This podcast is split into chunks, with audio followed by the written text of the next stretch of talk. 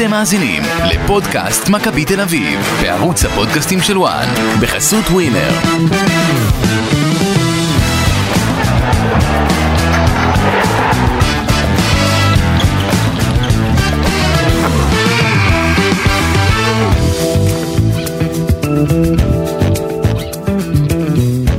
וקבל את ה crossover הזה, שים לב.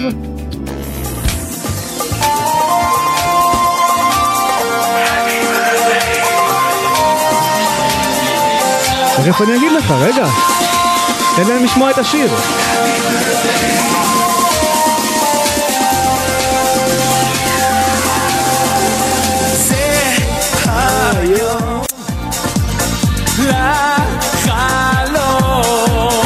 אורן, מה קרה לפני שנה? מה קרה? היום לפני שנה, מה קרה? היום לפני שנה, אה, היום לפני שנה בדיוק.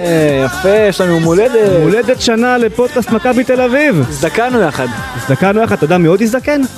אני. גם. אתה יודע מי עוד אבל? נו. שים לב. ביום חמישי בערב קיבלתי שיחת טלפון ממקור טוב שאומר לי, רז, תשמע, יש סיפור גדול במכבי תל אביב. אוסקר גלוך, בבוגרים, סופית, סיים עם הנוער. ידיעה טובה, לא? אני חושב שהבוקר, דווקא אחרי האחת אחת עם מכבי חיפה, אוהדי מכבי תל אביב צריכים לכעוס על מלדן קרסטייץ'. הרי גלוך התאמן אצלו לא מעט, הוא אפילו היה בסגל של הקבוצה פעמיים בגביע מול יפו. זאת אומרת, הוא כבר היה שם, הוא ראה אותו, הוא יודע בדיוק מה האיכויות של אוסקר גלוך. אבל את הבכורה הוא נותן לו רק אתמול, כשהעונה נגמרה. אז מצד אחד קרסטייץ', כל הכבוד על האומץ, על היושרה המקצועית, להביא שחקן מהנוער כשאין לך באמת עוד מספר 10 כזה בסגל, כל הכבוד. מצד שני, אם היית איש של דרך אמיתית מהיום הראשון, אז גלוך כבר היה פותח אצלך הרבה לפני. הפודקאסט של מכבי תל אביב מבית וואן, פרק ראשון, מתחילים. ראית? מדהים. יפה. כן, אז uh, עברה שנה מאז אותו, מאז אותו פרק, ואני אפתח את פרק השנה שלנו בתהייה. האם גם היום הפתיח שלי צריך להיות נגד המאמן של מכבי תל אביב, שמעלה את פרפגו יגון כמחליף, ועושה לנו uh, אוסקר 2 פה. אתה שואל את האדם הלא נכון, כי מי אני... שראה היום את מי, ש... מי שראה את הסרטונים האחרונים מאצלנו, אז uh, כל שבוע, שבוע אחר שבוע, כן. פרפה צריך לשחק ראשון. פרפגי יגון, אני, אני חייב להקריא את זה, הנתונים זה משהו לא, כאילו, עזוב שמראית עין, אתה יודע, לא, אי אפשר לנצח מראית עין, אוקיי? כל מי שראה את פרפה היום יודע שפרפה היה מעולה. אבל מה שהוא עשה ב, ב, בכלום דקות שלו, 43 דקות במצטבר, אוקיי? עלה כמחליף. 16 מ-18 מסירות, זה 89 אחוז דיוק. 2 מ-2 מסירות מפתח. סחט פנדל, שבזכותו מכבי תל אביב מנצחת את המשחק הזה מול הפועל באר שבע. מאבקים, שישה מתוך אה, אה, 12, אחד מהם גם היה באוויר, אז בוא נאמר שמאבקי קרקע זה שישה מתוך 11 וזה מה שקובע. דריבלים, חמישה מתוך שבעה, ב-43 דקות.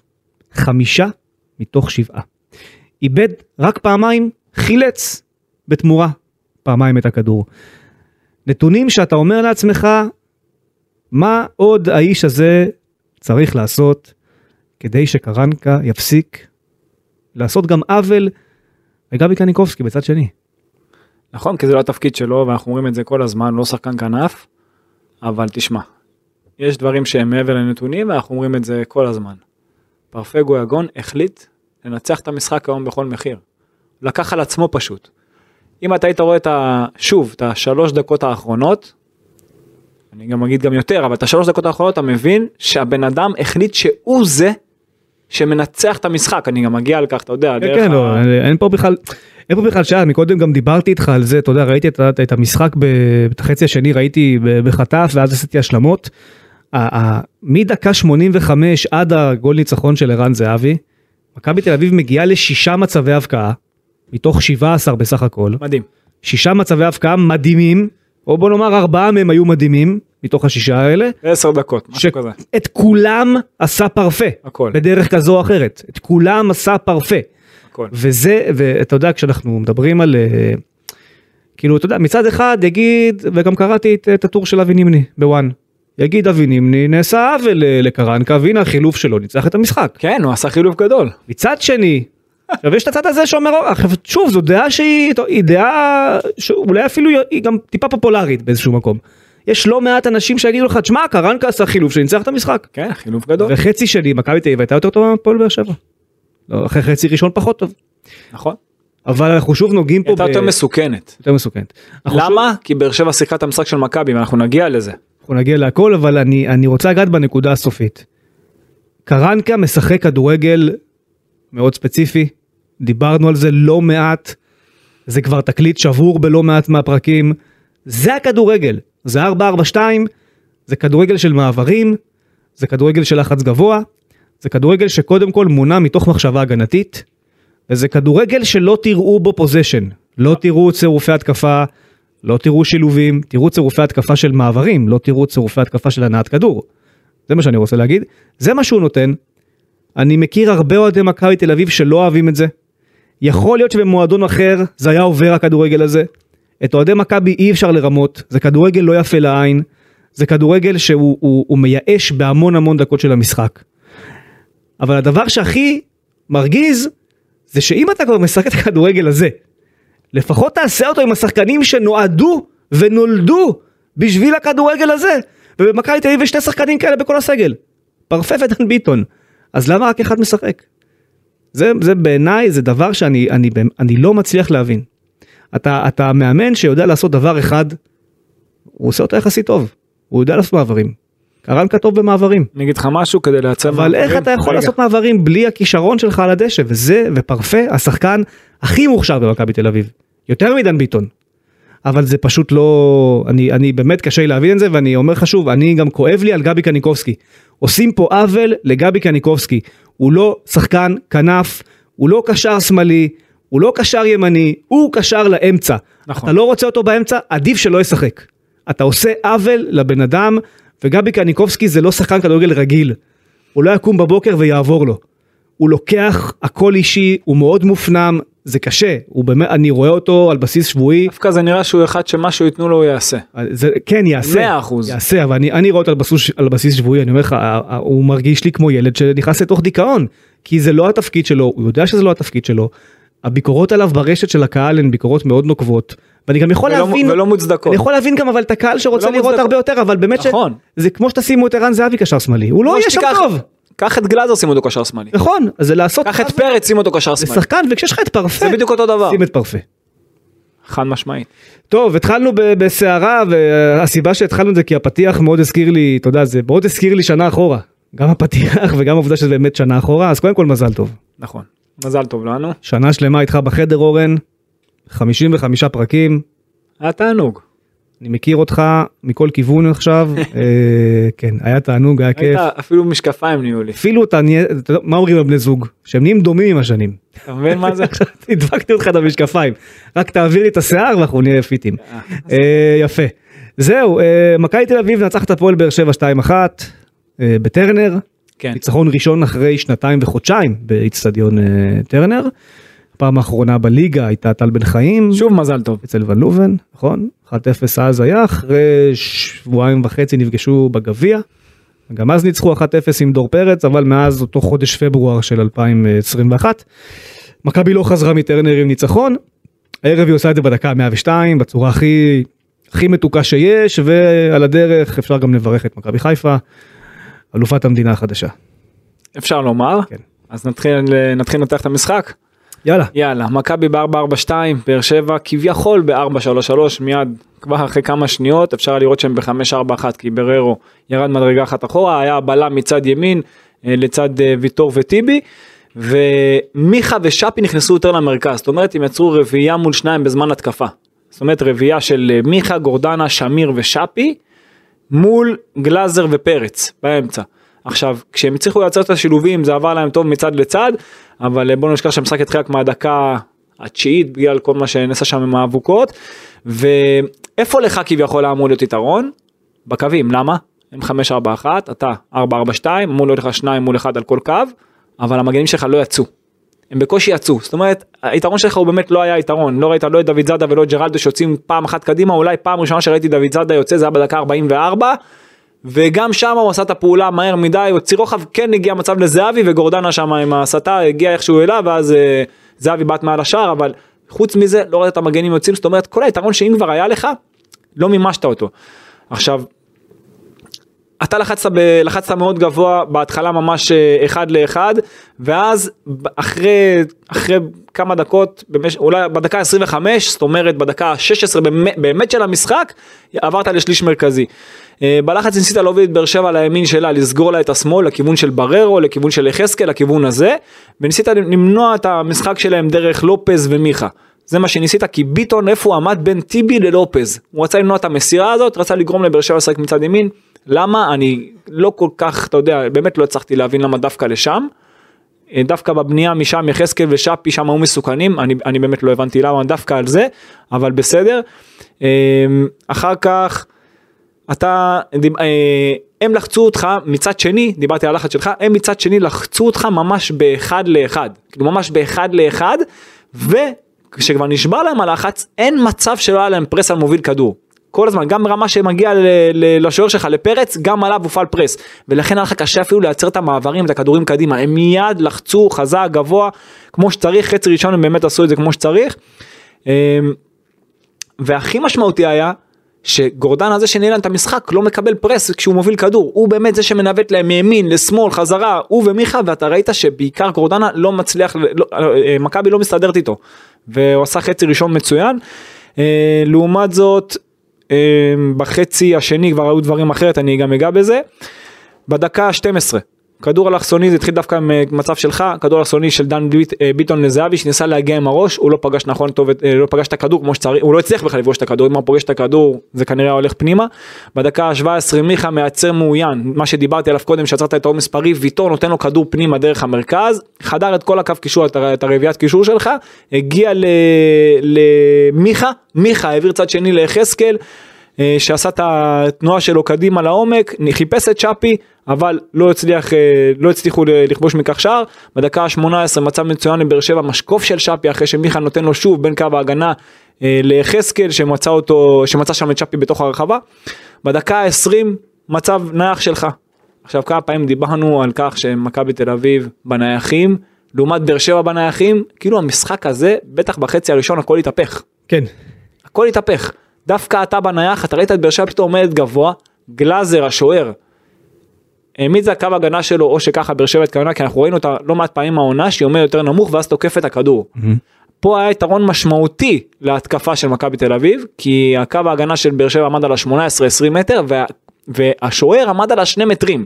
זאת אומרת היה, היה לו לפחות 16 מטר לסגור לשוער תנועה, אתה יודע, תנועה קדימה או שהקו ההגנה שלך צריך לנוע אחורה. עכשיו לך כ- כ- כקבוצת ההתקפה הרבה יותר קל לך לכבוש מהמצב הזה. אמ, דור פרץ מקדים את השומר שלו את ויטור, גלאזר תקוע על הקו, 1-0 לך, יופי של גול, באמת תנועה טובה, לא היה שם נבדל, באמת שער מצוין, אגב, בדקה, ה- ההבדל בנייחים, צריך צריך להגיד את הדברים כמו דן שהם, ביטון. דן ביטון לא שיחק עד לפני דן אה, ביטון. של ארבעה משחקים. אמרנו לפני כמה מחזורים, וגם אני באופן אישי, שדן ביטון מעבר למה שהוא עושה על קו הדשא שהוא אדיר מבחינה טקטית, מבחינת הדריבל שלו, המסירות שלו, הנייחים שלו, שווים המון, אנחנו, אנחנו רואים את זה, אתה יודע, במכבי תל אביב הרי, ובכלל, עזוב, בעולם, מאז שהוא משחק, אתה רואה את המספרים מבחינת הנייחים, ואתה רואה שבעולם יש לפחות 40 אחוזים מה, מהשערים אה, נכבשים מצבים נייחים. אז אין סיבה שלא אחד, אתה בועט הנכון הזה, ושיש לך אחד כזה, אין מצב שהוא יושב, אתה יודע, מחוץ לסגל, שזה מה שהרוב העונה. אז uh, נכנס מצוין, כדור עומק, כדור פנימה מצוין שלו, שער באמת נפלא שלו. דקה 25 מיד שער שלהם, חמש דקות אחרי השער שלך, ניר ביטון מקבל כדור טועה מיחזקאל שהוא מנסה למצוא את שפי, איכשהו יוצאת לו מין סוג של בעיטה חזקה כזאת על דוד זאדה, חזר חזרה שמבשל, אתה יודע, לא, לא מרצון, לשפי, שפי עם סיומת קטלנית, באמת לפינה החוקה, שער נפלא שלו, אה, ומאותו רגע מכבי כבר לא לוחצת גבוה, היא מחכה בשליש מרכזי, אוקיי? עכשיו, בסיטואציה הזאת כבר המשחק אתה יודע הולך לכיוון של באר שבע כי היא מתחילה כן לשלוט כן ליזום והיא גם הייתה מגוונת היא כן חיפשה לעומק. היה לה את האפשרויות לעומק היא עשתה דברים לא רעים בכלל ראית אותה מניעה מצד לצד כאילו המ- המשחק הרגיש כאילו זה הולך לכיוון שלה. באר שבע דיברתי על הכיוון שלה היה מצב ממש של, דיברתי על גורדנה, מה שהוא עשה, קיבל את הכדור באמצע, פתאום היה בדקה 28 שהוא חתך שם את גלאזר ובעט הישר לידיים של אה, פרץ.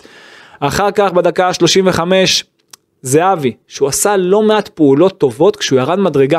הוא עשה לא מעט פעולות כסוג של עשר, כן, כסוג כן. של חלוץ שני, ירד מדרגה, ולמה זה קרה? כי הוא עשה את זה בנגיעה אחת. הוא לא עצר עוד נגיעה, עוד נגיעה, הוא עשה את זה בנגיעה אחת וקידם את המשחק יפה. ובסיטואציה הזאת בדקה 35 הוא קידם את המשחק לכיוונו של אה, גבי שבעט חזק אתה דיברת על אה, גבי קניקובסקי אתה ראית שהוא שוב הוא לא קר רוח כאילו הוא בועט כדי לצאת מידי חובה משהו בו הוא לא משוחרר מספיק וזה גם זה, זה כל הסגנון של הקבוצה שמנסה לסיים את ההתקפות מהר בסוף זה בא לטובתך במשחק הזה גם אני אגיע למה כי באר שבע שיחקה כמוך. אגב אבל- לא הבנתי למה במחצית אה, בוזגלו וגוטמן האשימו את דן ביטון בהחמצה הזאת. זה היה קניקובסקי. כן זה היה קניקובסקי. הם לא ראו נכון אה, אה, מה, מה שאני רוצה להגיד על גבי שזה גם תוצאה של המהלך הזה בחצי הראשון כל ההתקפות של מכבי תל אביב בלי יוצא מן הכלל שהיא כבר עושה כביכול בילדאפ מתחילה מניעה כדור מבלם למגן ממגן לקשר מקשר לשחקן כנף כל ההתקפות האלה ימשכו 8 שניות 7-8 שניות במקרה הטוב. אין כאילו לא, אין כל- להחזיק כל אין את העניין- העוד מסירה לא, לא יהיה גם אין אתה- קור רוח אתה רק- קודם כל כלום 7-8 שניות נגמר בום אתה יודע מה אני מצפה קודם כל אני לא מצפה שתחזיק כי אתה רק עם שני שחקנים באמצע. אוקיי אז זהבי מדי פעם שהוא כבר ירד אז הוא כבר קידם את המשחק מהר אבל כבר כשאתה מגיע לשליש האחרון אני כל פעם אומר לך את זה שתן עכשיו להגנה להיות בלחץ. שהיא אתה יודע תפחד על ה... כמו שקרה בש... בפנדל שנעשה עליך. שמה שהיא תיכנס לפאניקה אתה בשליש האחרון כבר תרגיש בנוח. וזה מה שהפריע לי בסיטואציה הזאת בדיוק בסיטואציה הזאת. שם אתה כבר צריך להרגיש הרבה יותר טוב אתה צריך שהשחקנים שלך בחלק הקדמי ירגישו בנוח. שיהיה להם, שיעשו את העוד פעולה, את העוד הטיה, כן. את העוד פס, כן כן כן את העוד חשיבה הקטנה הזאת, תן לשחקנים שמולך שהם יהיו, אתה יודע, יפרכסו להם. זה פחות קרה, כי זה גם הסגנון, לסיים מהר את ההתקפות. עכשיו, יש דבר חשוב בלסיים את ההתקפות, אני גם אגע בזה, וזה גם מה שדרך אגב, ייצר לך לא מעט מצבים בחצי השני.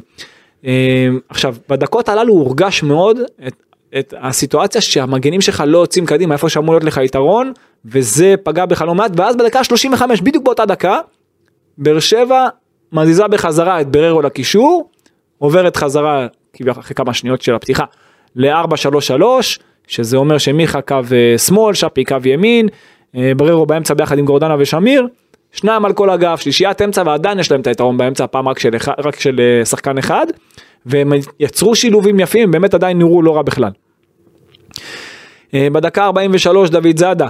אה, טועה ונותן כדור שאיכשהו מגיע לשאפי שמוציא לצד השני לקלימלה שמחמיץ היה שם מצב שבאמת היה לך הרבה מזל דקה 44 עוד ניסיון של שאפי מפינת הרחבה מצד לצד לפינה הרחוקה תראה להם כמה מצבים ממש על ס- סף המחצית הראשונה בדקה 44.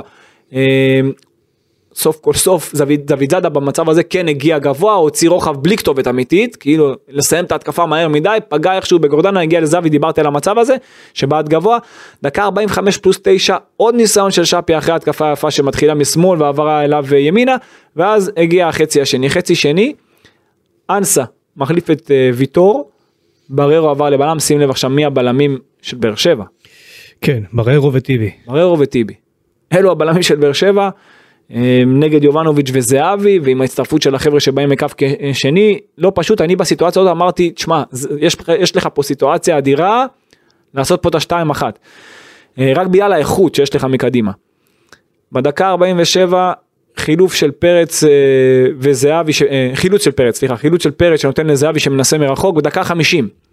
יחזקאל מחלץ כדור נותן עומק לקלימלה שלוקח את ביטון על המהירות ויכל לפרגן שם תקשיב יכל לפרגן שם למיכה ולאנסה שהיו לבד.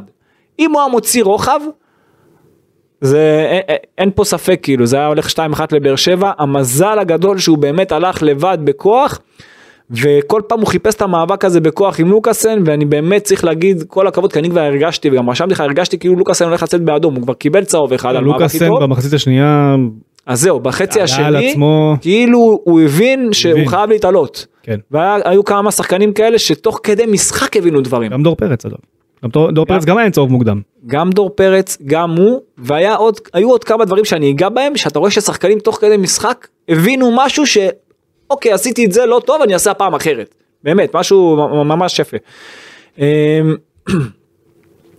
באר שבע בחצי השני משחקת הרבה יותר לעומק.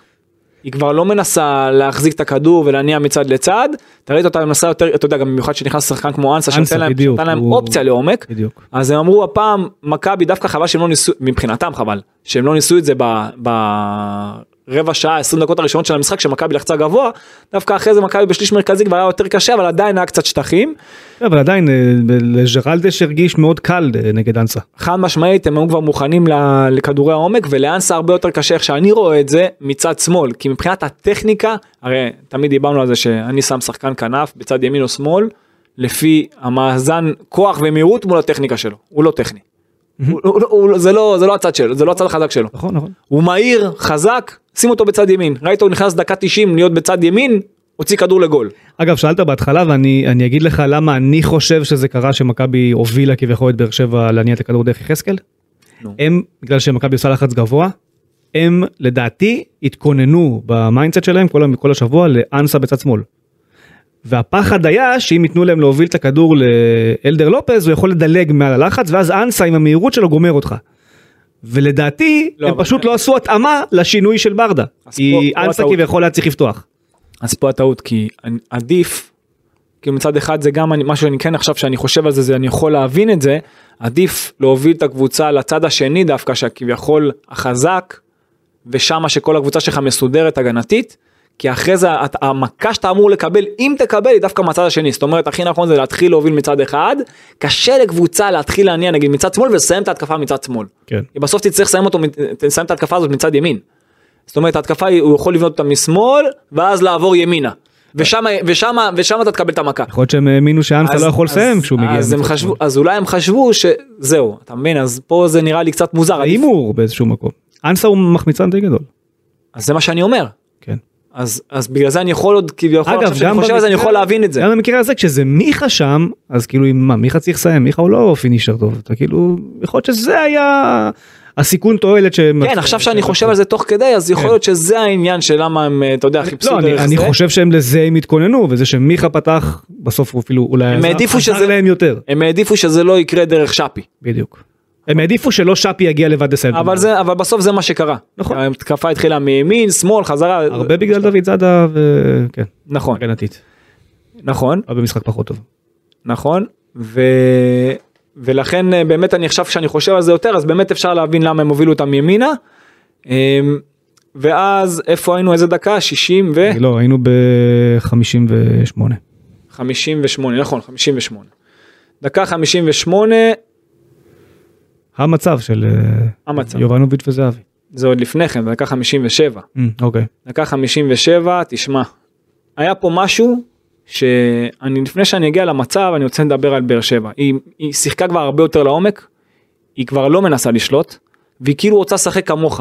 היא אומרת אוקיי אולי אני בגישה שאני יותר טובה אני עכשיו יותר טובה מהיריבה שלי אני אשחק בדיוק כמוה ואני אנצח וזה יש, יש בזה משהו. אבל ההבדל שהיא לא עושה את זה כמוך מה זאת אומרת כשאתה משחק על מעברים אתה יודע, אתה קודם כל צריך לדעת להגיב מהר במעבר, אבל כשאתה משחק על מעבר אתה צריך לדעת לסיים התקפה. זאת אומרת, עכשיו יצרת מעבר, הרי מה קרה? היה משחק מחוף לחוף, מחוף לחוף. עכשיו, עכשיו שיחקת, הגעת גבוה, הגעת כבר למצב שאתה מול שוער, מול uh, שלושה מול שלושה. איבדת את הכדור, אתה חייב לבצע עבירה. למה? כי כבר אתה חשוף מאחור. ברגע שכבר חימצו לך, זהו, שלושה שהיו מקדימה, הם כבר מבוטלים. כן. הרוויחו לך, זהו, זה כבר עכשיו עשרה מול שבעה, והם עוברים את זה קל, את הקישור, כי כבר ההגנה, ההתקפה שהייתה מקודם, ההתקפה, ועכשיו היא הגנה, היא פרוסה יחסית, קל להגיע למצב. זה קרה עד הסיום. ולכן, בדיוק, ולכן, ולכן חשוב לסיים התקפות, זאת אומרת, לבעוט לשער, offside, להוציא ל out, לעשות עבירה, משהו צריך לקרות כדי לסיים את ההתקפה, שאתה עושה את המעבר. אתה מבין? אחרי שאתה מסיים אותו, אתה חייב לסיים את ההתקפה. ובאר שבע לא, לא יודעת לסיים התקפות. היא לא סיימה את ההתקפות, ראית כל פעם שהיא עושה כבר מצב שהיא מגיעה לחצי מצב של גול, חילוץ, מצב שלך יותר טוב משלהם. והנה עכשיו אני אגיע לזה, אמרת דקה 57, פרץ מנסה לתת את, ה... את הכדור עומק על יובנוביץ', פרץ השוער. כן כן. זה מגיע קצר מדי, זה מגיע לרגליים של אה, באר שבע, ואז נהיה שלושה מול שלושה. אנסה נותן לשאפי מול שוער. כאילו אם שאפי עכשיו עוצר את הכדור הזה כמו שצריך ולא דורך עליו ומועד, זה, זה גול, זה 2-1 לבאר שבע. אתה יוצר מעבר מלוקאסן שמחלץ, תראה מה זה, טיק טק, לוקאסן נותן לגבי שמאלה, גבי מעביר לצד שני סוף סוף ריווח מצד לצד, וקרה פה משהו יפה שיובנוביץ' טס לעומק אבל מרווח ימינה כמו ווינגר, וזהבי עם פעולה גדולה הולך בין בררו ליחזקאל, הוא לא, הוא לא מתקרב לקצר. תשמע, זהבי בתוך הרחבה, התנועות שלו זה אומנות. כן. זה אומנות איך שהוא יודע איפה לשים את עצמו נכון. למה? כי כל הקו הגנה נמשך לכיוון של יובנוביץ', הוא הולך הפוך, הוא הולך אחורה. יובנוביץ' מרים לו כדור רגע. אדיר. יוב- יובנוביץ' בפעולת הכנף הכי טובה עונה של שחקן מכבי תל אביב כי לא היו הרבה פעולות כנף. אבל תחשוב, תחשוב. איזה, תחשוב אבל איזה רצף פעולות קשה הוא עושה, כן. כי הוא נכון, גם, נכון, הוא נכון. בא מהאמצע החוצה, ואז אחר כך הוא מרים את הראש, נותן כדור נפלא לזהבי שמרווח נכון, מדהימה הכל נכון, וההחמצה, הכל נכון. אני חייב להגיד לך שבהחמצה של זהבי כן. אני אמרתי אתה יודע מה זה זה דור פרץ נגד מכבי חיפה והם על זה לא ינצחו את המשחק.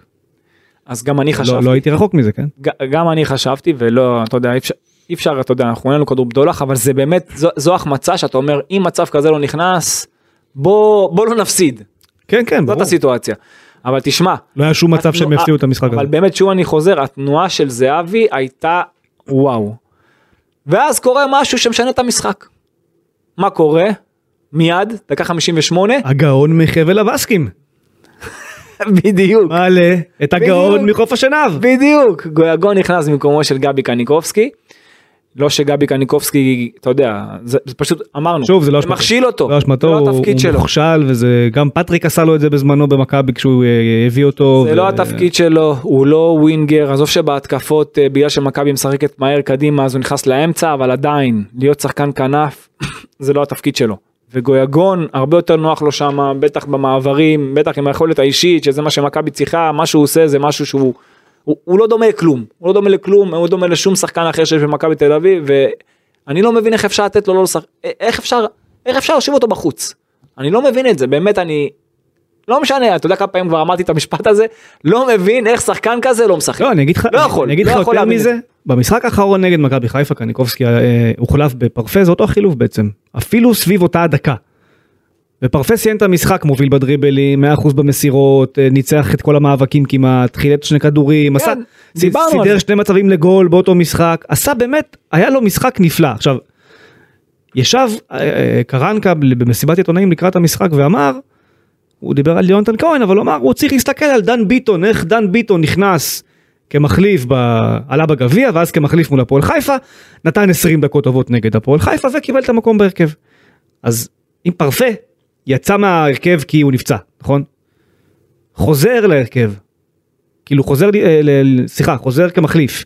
כן. נותן לך את ה-30-40 דקות הטובות האלה מול מכבי חיפה.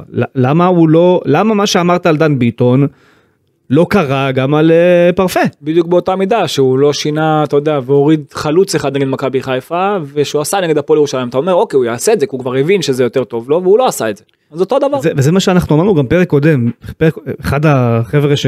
אחד החברים, גם הפעם דרך אגב, גם במשחק הזה, ציפיתי שהוא יוציא חלוץ אחד וישים עוד קשר. אחד על החברים, מעברים, יש שחקנים שבאים אה, הפנים. אחד, אחד החברים אה, שמאזין לפרק, חבר טוב שלי, אמר לי איך אתה אמרת בפרק הקודם שקרנקה היה מנצח אם היה עושה שני דברים כך וכך, ואמרתי לו, זה לא מה שאמרתי.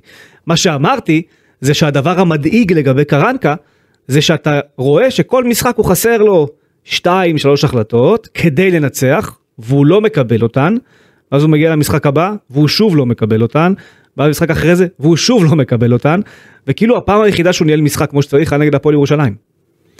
ו- ו- בעזרת היריבה. וגם אבל המון בעזרת היריבה. אבל כאילו זה מה שאני יריבה אומר שלחצה אותך גבוה, שדחפת ארוכים, זה- זה- המון זה מה בעזרת. זה מה שאני אומר למה אני אין לי תקווה לגבי קרנקה כי אני לא רואה למידה הוא לא הוא הפוך הוא כל פעם ניצל בעזרת דברים שהוא לא משחזר. הוא לא משחזר אותם. הוא עושה אותם אחר כך כתגובה למשהו לפעמים התגובה היא גם לא טובה אבל הוא עושה משהו הוא לא דובק הוא לא דבק בו. במקום לשחזר אותו או, או להתחיל ככה משחקים לא הוא לא יעשה את זה. ואני אגיד עוד משהו למזלו של קרנקה במזלו כן היריבות שהוא פוגש בפלייאוף העליון כולן באות לשחק את אותו המשחק מולו ולכן הוא פורח. אבל אם היריבות עכשיו היו ביתר קריית שמונה אשדוד ו- והפועל חיפה אני לא יודע להגיד לך אם הוא גם היה עושה 10 מ-12 זה בדיוק מה שאני אומר. הוא כנראה לא היה עושה 10 מ-12 תגיד לי, באר שבע, היא מכירה את מכבי תל אביב, היא אמורה להכיר. היא אמורה ללחוץ אותה גבוה? לא. שהיא משחקת ב-442? זה כבר קרה אבל גם בבלומפילד ודיברנו על זה בפרק פה אחרי בלומפילד מכבי- ואמרנו מה קורה לברדה ומליקסון מה אתם רואים עכשיו זהו, שמכבי חיפה כבר הבינה את זה, אבל היא לא הצליחה לייצר את העומק. כן בחצי הראשון, בחצי השני זה כן. כן אבל אתה, זה מה שאני לא מבין, אני הייתי בטוח ש, שאנחנו נראה את באר שבע, אתה יודע, מפיקה, מבינה, גם במשחק הקודם נגד באר שבע. בסוף כולם, בסוף רוב המאמנים הם- קרנקה. אנחנו חוזרים לזה לא מעט, אני חושב שברדה עם הכדור הרבה יותר טוב מקרנקה, נכון, הרבה יותר טוב. אבל הרבה יותר אבל איכותי. הוא עושה הרבה, אבל ברדה עדיין אבל חסר בניהול ניסיון, המשחק, ובניהול פה, המשחק זהו, הוא בניהול פחות טוב. המשחק, בניהול המשחק, והיו דברים שאני אישית היום פחות התחברתי, ברמה האישית. ושוב אני אני רוצה לה- אני חוזר שוב לאותה נקודה. אני בדעה האישית שלי היא לא השתנתה אני לא חושב שמכבי תל אביב יכולה להצליח עם קרנקה. אני לא חושב שהיא יכולה להצליח איתו. לא ככה. אלא אם כן, לא מכבי- ככה. אלא אם כן מכבי תל אביב מבינה שהיא לא רוצה לייצר בילדאפ בחלק האחורי והיא תשחק על יכולת אישית נטו. יש קבוצות כאלה בעולם. אני, סגנון אני שלא לא חושב שזה מתאים, מחליק. אני, אני לא חושב שזה מתאים למכבי. זה לא יחליק בגרון של האוהדים בשום שלב. ברור, אני... ואם זה לא מצליח וואו, אוקיי? זה אם לא. זה לא מצליח והוא לא יכול. ברמה מדהימה, יהיה פה מאוד קשה בעונה הבאה לייצר קבוצה בריאה, כשקרנקה הוא הדמות המובילה שלה. אני מסכים. ושוב, אנחנו גם דיברנו על זה לפני, הוא יעשה פלייאוף טוב. חזינו את זה, אני אמרתי לך את זה. חזינו את זה, דווקא אחרי הפועל חיפה. נ- תחשוב, דווקא אחרי הפועל חיפה. תחשוב שלפני אמרנו- יהיה פלייאוף טוב כנראה. תחשוב שלפני- והוא עושה בינתיים פלייאוף טוב. לפני כל הפלייאוף מה אמרתי לך נגד כל יריבה. נגד אה, הפועל חיפה וסכנין והפועל תל אביב וכאלה שיהיה לך קשה כי הם יחכו לך נמוך והם מבינות מה הבעיות שלך ולך יהיה קשה לפרוץ את זה. ודווקא לפני הפלייאוף דווקא לפני הפלייאוף דווקא נגד היריבות הטובות אני אומר לך שהפוך יכול להיות לך- פלייאוף נפלא. נכון. כי זה לא זה לא תואם את הליגה. כן. אין לזה קשר למה שקורה בליגה כולה זה יריבות יותר בכירות זה יריבות שאין להם פחד ללחוץ גבוה ויריבות שבאות לך נכון לסגנון שלך. עכשיו ביום שתבוא קבוצה כמו באר שבע או מכבי חיפה ברמה כזאת שתתגונן נכון נמוך אוקיי ולא תהיה חדירה בהגנה בחלק האחורי כמו. גם הן לא עושות את זה. נכון אז אני למה? ב- כי ביום- זה לא מחליק להם בגרון לשחק כזה כדורגל. גם לא אבל אתה צריך לדעת להתאים את עצמך ליריבה הם לא עושים את זה. ספציפית במשחק מסוים כן, כן, הם לא עושים את זה. דווקא חיפה עשתה את זה לא טוב בחצי הראשון בחצי השני הרבה יותר. כן. אמ, וגם אז אם קרנקה מגיב עם עוד קשר על חלוץ אז יכול להיות שכל החצי נכון. השני שלהם לא רלוונטי בכלל. נכון. טוב נמשיך. אמ, נוצר אמרתי משחק מחוף לחוף באר שבע לא יודעת לסיים התקפות זה בא לך טוב ממש אחרי כל חצי התקפה שלהם באה התקפה שלך. ממש והתקפה יותר טובה כאילו מצב יותר טוב. דקה 62 גויגון. ארבע דקות על המגרש עושה שם סיבוב על גורדנה זה לא מצב לגול אבל הייתי חייב לדבר על זה תשמע גורדנה עד עכשיו עם הראש עם הראש מול על הדשא עם הראש הוא מסתכל עד עכשיו על הדשא תשמע מה שהוא עשה לו שם זה היה באמת איך אומרים אימא'לה ואבא'לה. בדקה 65 אה, קלימאלה נכנס, אה, יצא חתואל נכנס במקומו אנסה עבר להיות ח, אה, חלוץ ספורי נכנס במקומו של מיכה שהיה לו משחק לא רע בכלל דקה 66 למי- לא, למיכה היה משחק לא רע בכלל. מיכה היה משחק לא רע ספורי בכלל היה קטסטרופה. דיברתי על מיכה אוקיי. ספורי החליף את מיכה שהיה לו משחק לא רע בכלל ספורי היה קטסטרופה. ספורי דקות ראשונות היה סביר אחר כך פחות. כן. דקה 66 זהבי נותן עוד כדור עוד כדור טוב לביטון בנגיעה שהיה חייב לסיים כמו שצריך עם הימנית שלו חיפ... לא הצליח לו כמו שצריך ניסה לתת מנות עוד פס שם לקניקובסקי שלא עבד לו דקה 68 שוב זהבי יורד מדרגה ונותן לביטון שמנסה לבד עד הסוף הפעם עובר לשמאלית שלו מוציא מזה קרן. תראה עכשיו כמה מצבים דקה 70 גרויגון. גויגון דקה 70 זה לא מצב לשער אבל דיברתי איתך על למידה של שחקן על סיטואציה זה היה משהו גדול, אתה חייב ללכת לראות את זה. דקה 70, יש מצב שהוא מקבל באמצע, והוא לבד. הוא לבד, הוא יכול להתקדם, הוא יכול לעשות דריבל, אני תמיד בדעה שיש לך שטח באמצע, אתה עכשיו שחקן, יש לך שטח באמצע, לך. לך, יש לך. מה הוא עשה? נתן לזהבי מצד ימין. עכשיו זה המצב שחמישה שחקנים של באר שבע, הם היו אחרי מעבר, כאילו באר שבע עשו מעבר, חיל, חילוץ של מכבי, מגיע כדור לגויגון. חמישה שחקנים של באר שבע כבר, אתה יודע, מאחוריהם, יש מצב של חמישה מול חמישה, ארבעה מול חמישה, לא משנה.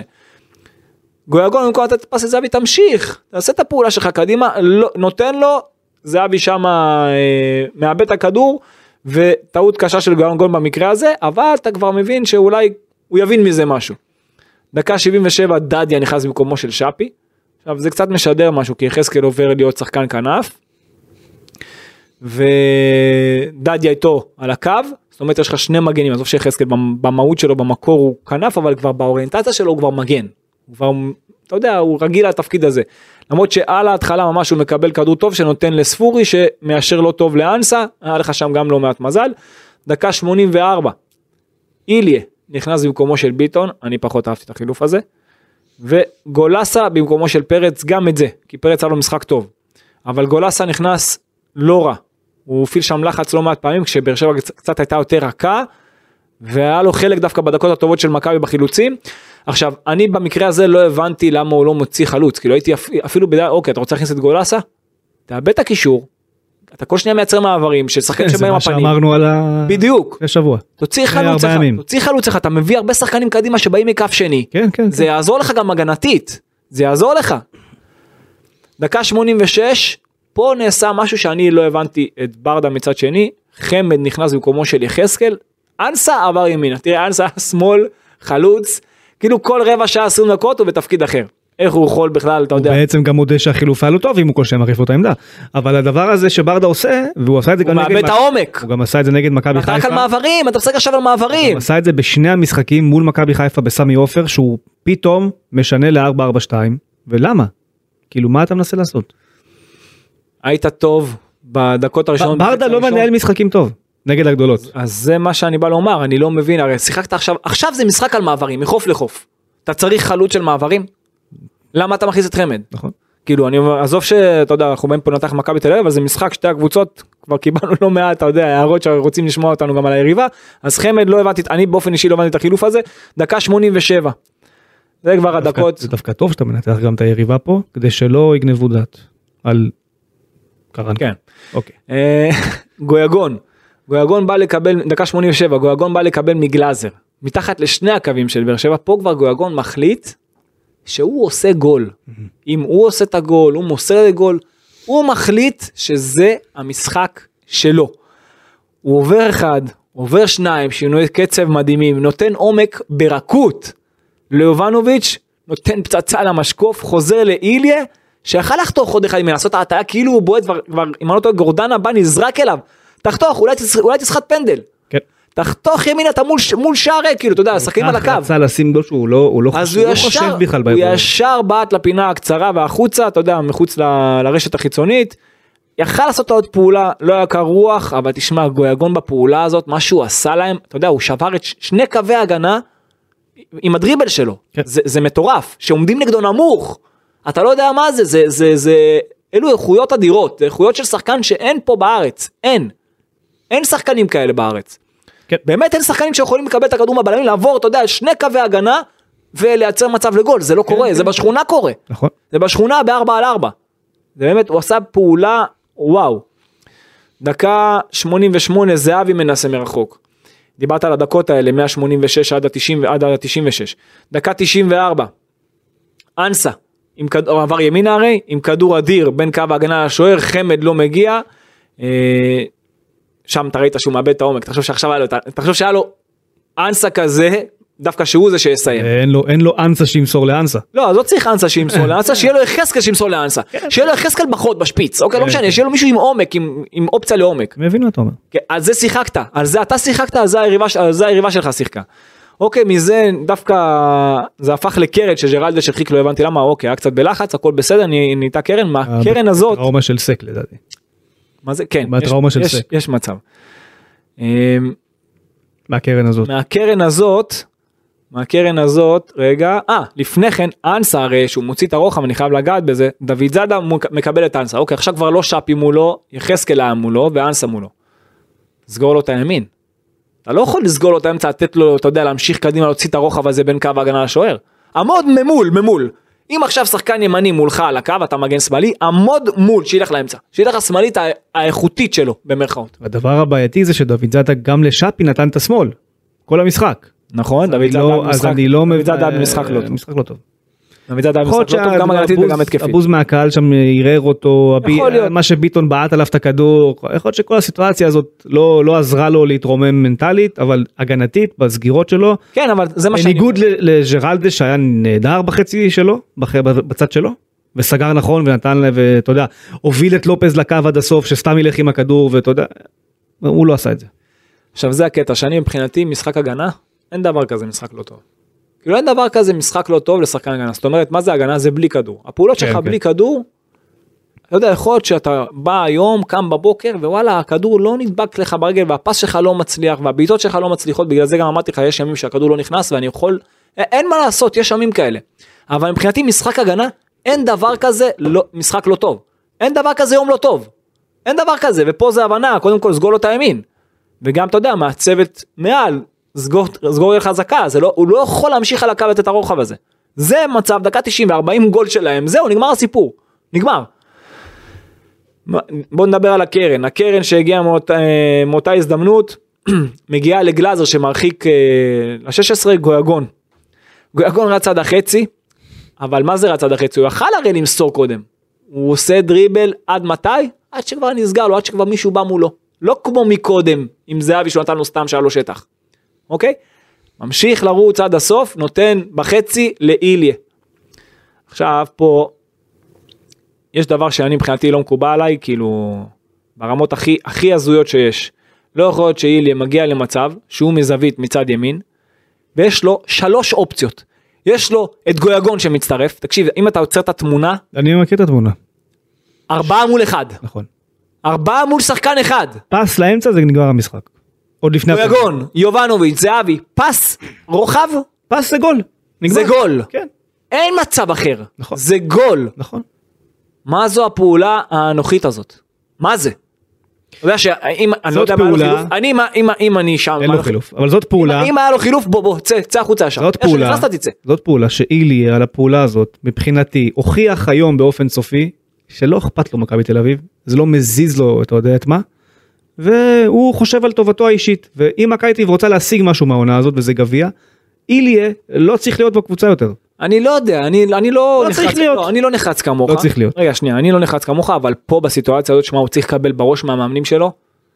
אני אומר לך, זה- זו צריך. פעולה שהיא לא מתקבלת על הדעת. צריך ללא ספק. היא לא מתקבלת על הדעת. האות, זה מה שאמרתי לך כמו באימון של האות פס, להגדיל את אחוז ההפקעה, יש לך שלושה שחקנים מול שער ריק.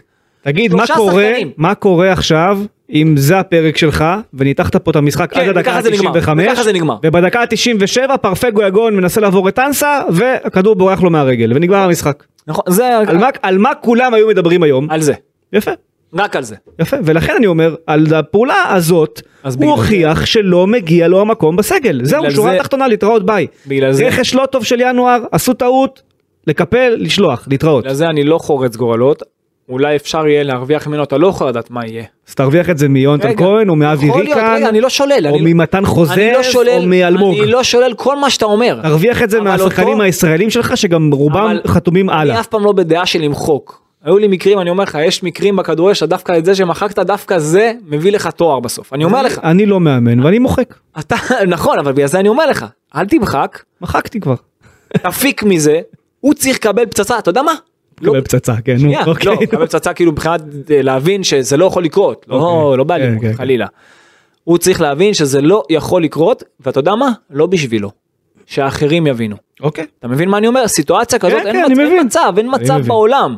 תגדיל את אחוז ההפקעה א' ב', יש לך שלושה מול שער ריק. אז אני, אני אחדד את מה שאמרת, אם קרנקה לא מגיע מחר לאספת וידאו ומתעכב על הוידאו הזה מול כולם איזה 5-10 דקות, הוא חוטא למקצוע. חד משמעית. אוקיי. ובוא נגיע לגול. עכשיו אתה יודע מה הכי יפה פה? נו. שאתה לתת בראש, לתת פצצות כמו שאמרתי, הכי קל זה אחרי ניצחונות. נכון? לא, כאילו מה זה הכי קל? הכי נכון. נכון? לא, לא, דווקא אחרי הניצחון עכשיו הוא צריך לבוא אולי בסבבה, בכיף. יש, יש הרבה מאמנים כאלה. דווקא הפוך עכשיו, אחרי דבר כזה שניצחת באווירה טובה, זה הזמן לתת את המכה. נכון. זה הזמן.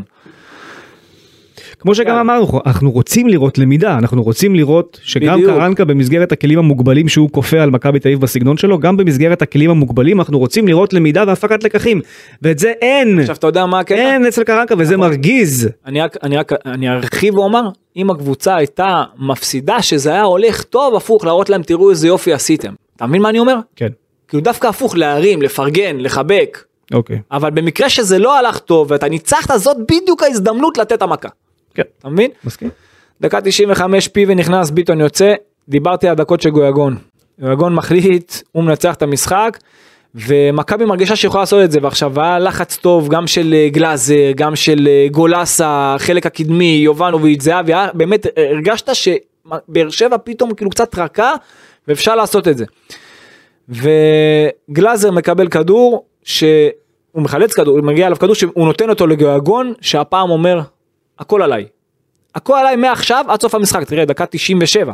הכל עליי, הולך עד הסוף. היו שבע תוספת, כן? כן כן, דקה, אני אומר לך דקה 97, זו הסוף של הדקה האחרונה. דקה האחרונה. פעולה אחרונה. מה, עד עכשיו מסרתי? עד עכשיו מסרתי? עכשיו אני לבד. נגמר. נגמר הסיפור, עכשיו אני. עכשיו אני בא לתת פה את ההופעה שלי, מקבל את הכדור, עושה את הדריבל שלו, מגיע עד ה-20 מטר, בא לבעוט, הבעיטה שלו, לא- הבעיטה שלו מרחוק היא לא מספיק טובה. איכשהו מצליח להוציא מזה קרן, מה אתה פגע בבררו? קרן. אילי ישר רץ להרים את הקרן, לא יצא לו קרנות אה, מי יודע מה לפני כן, הוא בא להרים, מרים, עכשיו גויגון בא לידו, בא לקבל. אילי מרים, איכשהו יוצאת מזה עוד קרן. כן. עכשיו גויגון אומר בוא, אתה יודע, עכשיו מה עושה גויגון? הוא עושה עומר אצילי לפני כמה ימים. בדיוק. עושה את הקרן המהירה והקצרה בדיוק. לא מוכנה לזה. אז אילי ישר נותן לגויגון וגויגון פה מה ש... וואו. מה שגויגון עשה בקרן הזאת.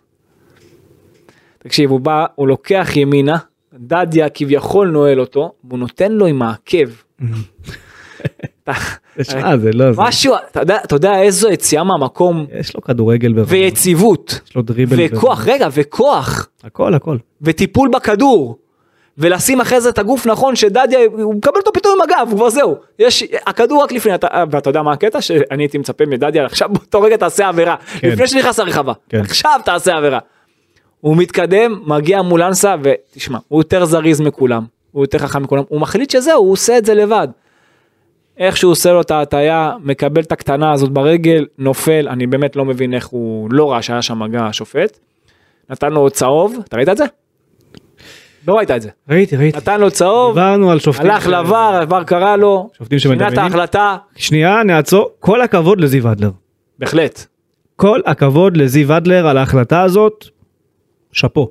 בהחלט, ביטל את הצהוב, משם זהבי, תשמע, אתה פצצה לחיבור, לא פשוט בכלל, דקה 102, זה, זהו, זה בעיטה ונגמר. נכון?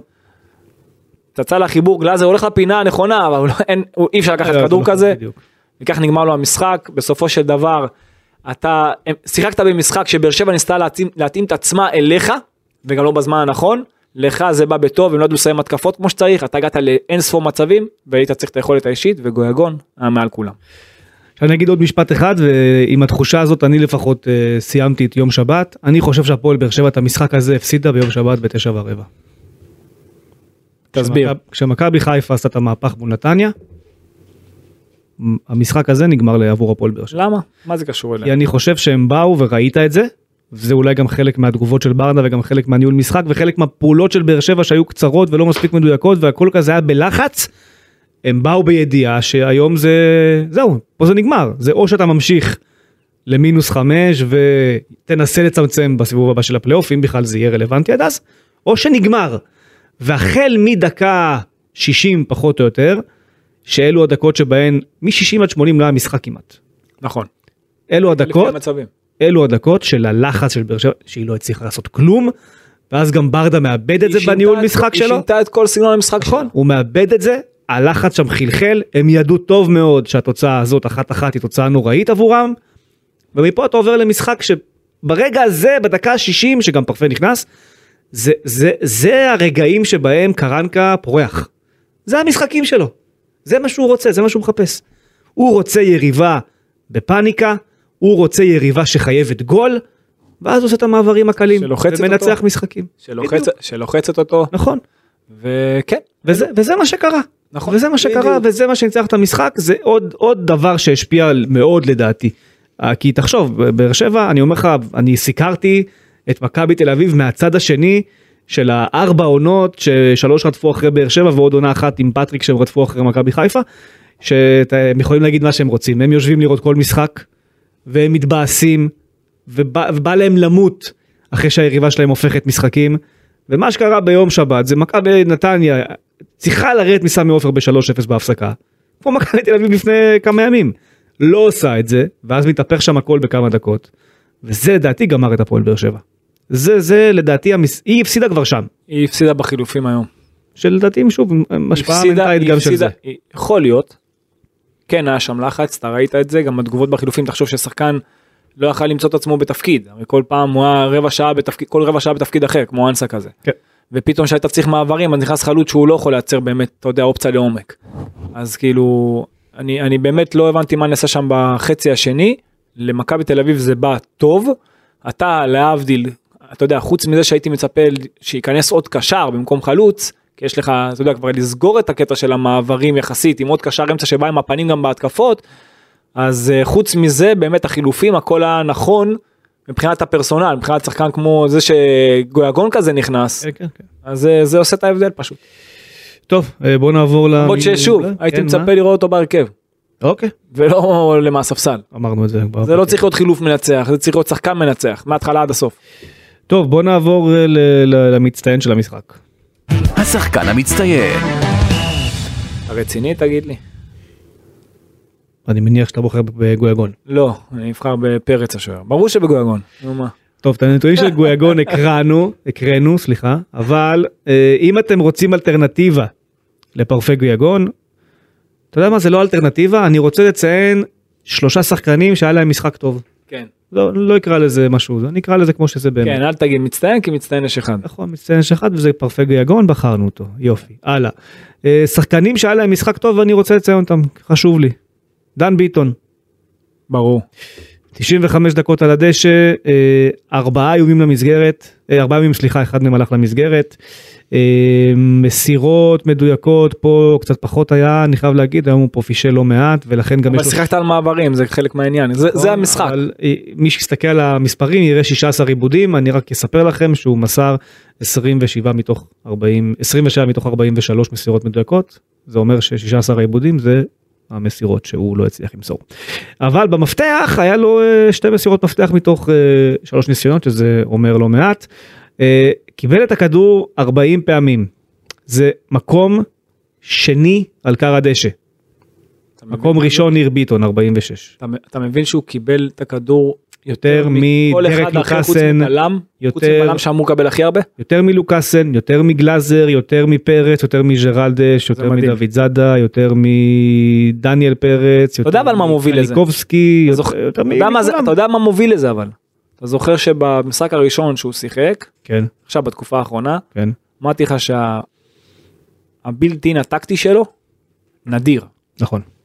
זה הסיפור. שזה שוב, הרי- אני הרי- יכול- אז זה הרי משפט? שהוא מדהים בעיניי, עכשיו מה, מה הסיפור? איך זה יכול להיות? מה הסיפור? אז כן. עובדה, מה הסיפור? הרי, הרי איך, איך שחקן מקבל את הכדור יותר מכולם? הרי תחשוב שעכשיו, אני תמיד אומר ששחקן, אמרתי את זה גם פה לא מעט פעמים, שחקן תמיד הוא יהיה בהכי טוב שלו, שהכדור אצלו, או שזה שמולו, ש, שהוא בא לתקוף אותו כביכול, אוקיי? אבל עוד רגע זה במקום אחר. שם בדרך כלל רוב השחקנים מזייפים. אם אין להם, אתה יודע, את העמידה הטקטית הנכונה, וה, וה, אתה יודע, התגובות של המאמן, ושמבינים איפה בדיוק להיות. וכשהכדור ממש רחוק ממך 20, 30, 40 מטר ממך, שם אתה נמדד. למה? כי בדיוק עוד שנייה זה שוב יחזור לאזור שלך. כן. וזה שהוא יודע להיות במקום הנכון זה משאיר אותו לבד לקבל את הכדורים. אתה מבין? ויפה, ודן ביטון אה, מעבר לזה, נציין שבמאבקים רק חמישה מתוך אה, 18. ושוב, ופה- גם הוא, גם הוא, סליחה, וגם הוא לא בתפקיד שלו. נכון. התפקיד שלו זה 10. ועדיין אני מצפה שדן ביטון יעשה יותר מחמישה משמונה עשר, אה, יש לו לאיפה לגדול, שזה הדבר הבאמת יפה, יש לו לאיפה לגדול ולהשתפר. אבל מה ההבדל אצלו? שגם שהמשחק שלו לא הכי טוב שיש, בישל גול היום גם. בשל גול, למה? במצבים הנייחים זה חצי גול. נכון, ושלושה משישה בטריבלים. אה, השחקן השני שאני רוצה לציין, קוראים לו ערן זהבי. אה, חמישה ימים למסגרת, חמישה ימים אחד למסגרת, אה, ב-XG אגב הוא שווה היום גול ונקודה שלושים. אתה מבין? מצע שלו זה כן. כן. אה, מסירות מפתח של זהבי אחד מאחד, אה, אחת מאחת, אבל במסירות הכלליות ופה זה מתחבר למה שאמרת, 23 מסירות מתוך 26 היו מדויקות. מדהים, היה לו משחק מדהים, זה היום, הרבה שוב זמן, נתון מאוד מרשים של הרבה זהבי, זה גם זמן. היה נגד אה, נתניה לדעתי, הרבה זמן, אבל זה גם קרה בגלל הלחץ הגבוה של ולא באר מול שבע. עשרה שחקנים. כן, אבל זה, זה קרה גם היום תחת הלחץ הגבוה של באר שבע. כשקבוצה עומדת יותר נמוך ויש יותר, ויותר צפוף מאחור, אז קצת יותר קשה לו לרדת המדרגה. נגד קבוצה שכן לוחצת גבוה, ושהוא יורד והוא מקדם את המשחק ויש שטחים קדימה, אז הוא מדהים, המיקום הטקטי שלו היה פנטסטי, מדהים. וזאת הדרך היחידה שהמערך הזה יכול לעבוד. נכון. אה, אבל עם שחקן שהוא יותר מטפל כן, כן, בכדור, כן. שחקן כמו גויגון כזה בתפקיד הזה, זה הסיפור, יפה. אתה מבין? ומאבקים חמישה מתוך, לא, שלושה מתוך שישה, ארבעה מתוך תשעה בכללים, אנחנו מחשבים גם את המאבקי אוויר. אה, דריבלים אחד מאחד, איבד את הכדור רק שלוש פעמים, חילץ פעמיים. והשחקן הבא שאני אה, אציין, אציין לטובה, דן גלאזר. דן גלאזר היום, שים לב אה, אורן, חוץ מהפס הבאמת לא טוב ליובנוביץ' בחצי הראשון, שהיה שם אפשרות למעבר מהיר והוא פישל אותו, פס הלך שם לקרן, כן, ראיתי. 39 מ-42 במסירות, זה 93 אחוז בדיוק, אה, הכי גבוה אחרי אה, ניר ביטון. במאבקים אה, 13 מתוך 23 מוצלחים, אבל באוויר 5 מתוך 6, שזה יפה מאוד, לקח שם הרבה כדורים בראש. אה, תיקולים מוצלחים 5 מתוך 12, איבד רק 5 כדורים, חילץ 6. אני חושב שדן גלאזר, דיברנו על זה לא מעט, אלו המשחקים שהוא בדיוק. תפור עליהם, תפור עליהם, תפור עליהם, זה, זה, שם דן גלאזר, אתה רואה אותו, עושה את מה שהוא יודע, עושה את זה טוב, עושה את זה נכון, ואני חייב להגיד שהיום, למעט הפס הזה ליובנוביץ' שגם לא, לא התלבש לו, היו גם כמה מסירות קדימה שהיו טובות. אתה רואה שיש שם איזשהו, לא יודע אם זה למידה מערכתית, אם קרנקה עושה התאמות לזה, יש שם שיפור. כמה דברים. קודם כל, היה לו משחק מצוין היום. אוקיי, גם מבחינה הגנתית תפור עליו, אמרת, משחק של מעברים. זה, אלו המשחקים שתפורים עליו. נגד יריבות, אתה יודע, שהן כביכול באות, אפשר לקרוא לזה דומיננטיות, אה, באות, אתה יודע, אתה יותר בא, אתה יכול לבוא כביכול כאנדרדוג, במשחקים הללו הוא מדהים, אבל אמרת משהו שזה לא היה גם במשחקים כאלה. הפס שלו היום היה מצוין. כן. הוא באמת היה לו משחק מסירות טוב.